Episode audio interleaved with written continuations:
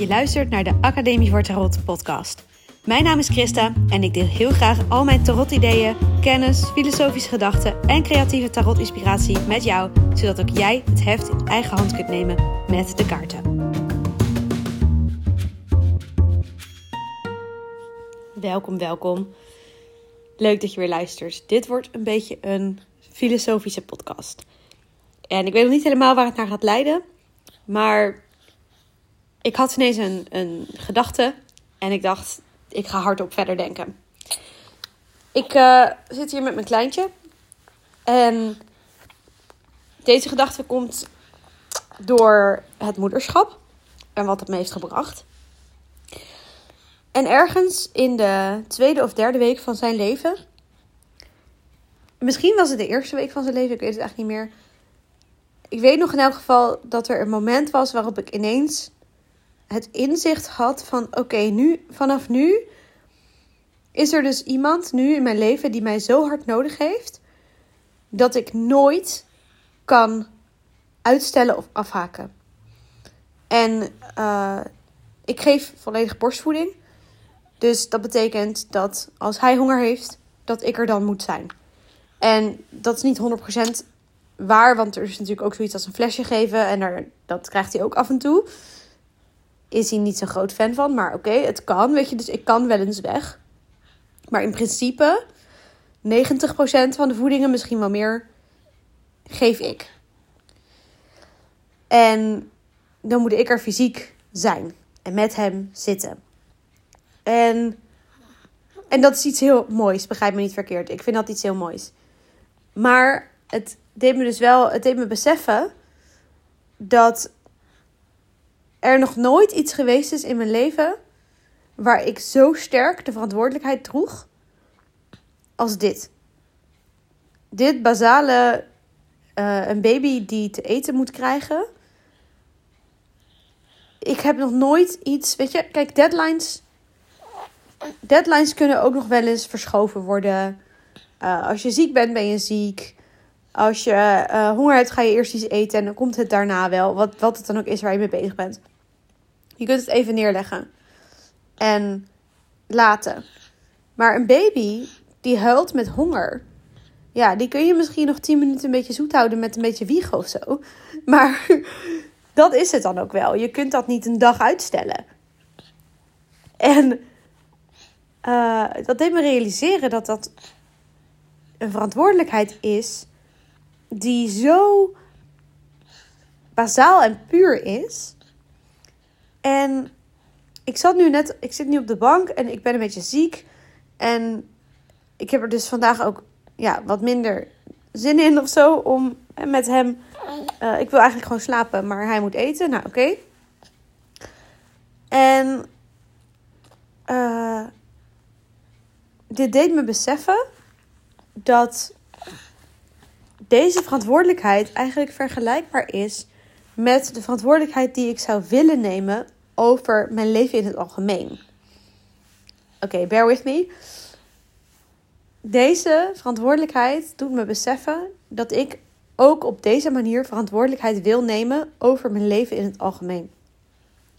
Waarom is het zo dat mensen de verantwoordelijkheid voor hun eigen keuzes of voor goed voor zichzelf zorgen uitstellen of aan de kant leggen of niet volledig op zich nemen. Dat is iets, het fascineert me. Het is interessant. Waarom zou ik bepaalde behoeften die ik heb bijvoorbeeld um, negeren? Om, en dan heb ik het over heel, heel simpele, suffe dingen. Zoals, je weet dat je naar bed moet, maar je zet toch nog even een aflevering van de volgende serie aan. Uh, je weet dat je lichaam behoefte heeft aan groenten, maar je kiest toch ervoor om een pakje koekjes open te trekken. Dat soort suffe dingen. Ehm, ik realiseer me dat je daar heel makkelijk ervoor kunt kiezen om iets te doen wat niet het beste is voor jezelf.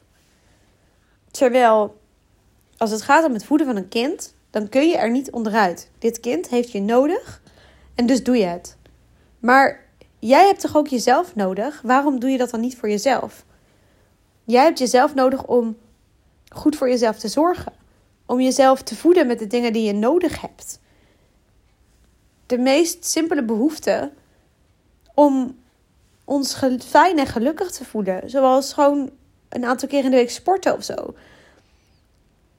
En we doen ze niet. Kijk, en natuurlijk, het is niet altijd zo simpel. Hè? Soms heb je gewoon bijvoorbeeld de verantwoordelijkheid over de zorg voor iemand anders, waardoor je minder aan jezelf toekomt.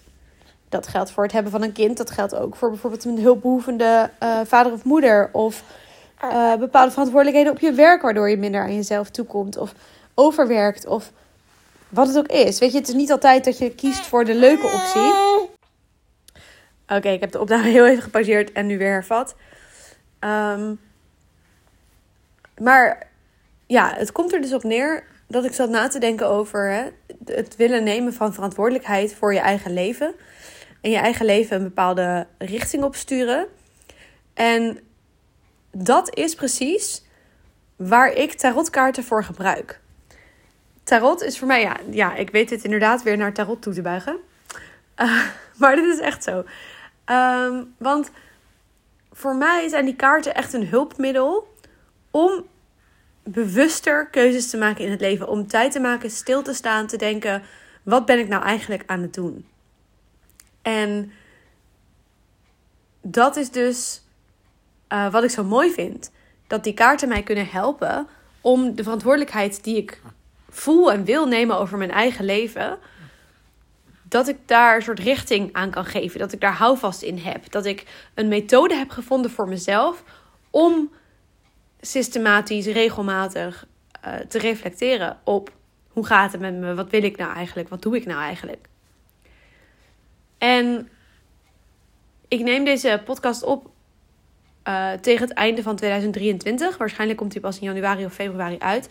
Ik ben nu ook bezig met het uh, maken van de cursus van goede voornemens naar vaste gewoontes. Dus ik ben heel erg bezig met dit stukje, de, de goede gewoontes die je de, de vaste gewoontes, de vaste en goede gewoontes die je in je leven wil integreren. En hoe doe je dat nou? En hoe kun je nou echt voor jezelf een methode ontwikkelen om verandering te creëren, om verantwoordelijkheid te nemen. En ik vind het zo fascinerend dat we, hè, als we dus de verantwoordelijkheid hebben over iemand anders, dan nemen we die. Ik kan niet anders dan voor mijn kind zorgen. Ja, dat vindt hij ook. maar ik kan wel mezelf verwaarlozen. Dat is op de een of andere manier zoveel makkelijker. Nou ja, ik, ik, ik weet niet. Er is misschien geen conclusie of geen punt hier. Maar dit houdt mij op dit moment heel erg bezig. Ehm, en ik ben dus zelf op een ontdekkingsreis gegaan om de dingen die ik eigenlijk al doe met de kaarten, om die iets meer in een methode te vatten en die dus ook in de cursus te delen. Uh, mocht je nou denken, hey, interessant. Ik wil ook wel leren hoe ik met de kaarten uh, mijn eigen goede gewoontes kan uh, bekrachtigen. En hoe ik voornemens kan omzetten in vaste regelmatige gewoontes die ik vol weet te houden. Um, dan nodig ik je van harte uit om even op mijn website te kijken. Ook al ben je dan niet tegelijkertijd gestart met de rest. Je kunt gewoon nog, nog meedoen. Het is, het is een zelfstudiecursus. Um, dus ja, maar goed het punt, van, het punt dat ik wilde maken nu is dus dat dit me gewoon fascineert. En, en dat het heel tof is dat ik dus de tarot heb als, uh, ja, als middel om met dit issue in mijn leven te dealen. En ik denk dat heel veel mensen misschien wel die, dat gevoel hebben dat je, dat je de grip op je leven soms kwijtraakt omdat je andere verantwoordelijkheden hebt en geen prioriteit maakt van kiezen voor de verantwoordelijkheid nemen voor zorgen voor jezelf en keuzes maken die voor jou goed zijn.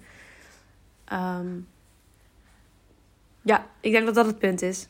Ik ga hem afronden en ik hoop dat je het interessant vond om deze gedachte kronkels te luisteren. En misschien haal je er wel wat inspiratie uit om je kaarten weer eens tevoorschijn te trekken. Dus um, heel veel succes daarmee. en uh, tot de volgende podcast.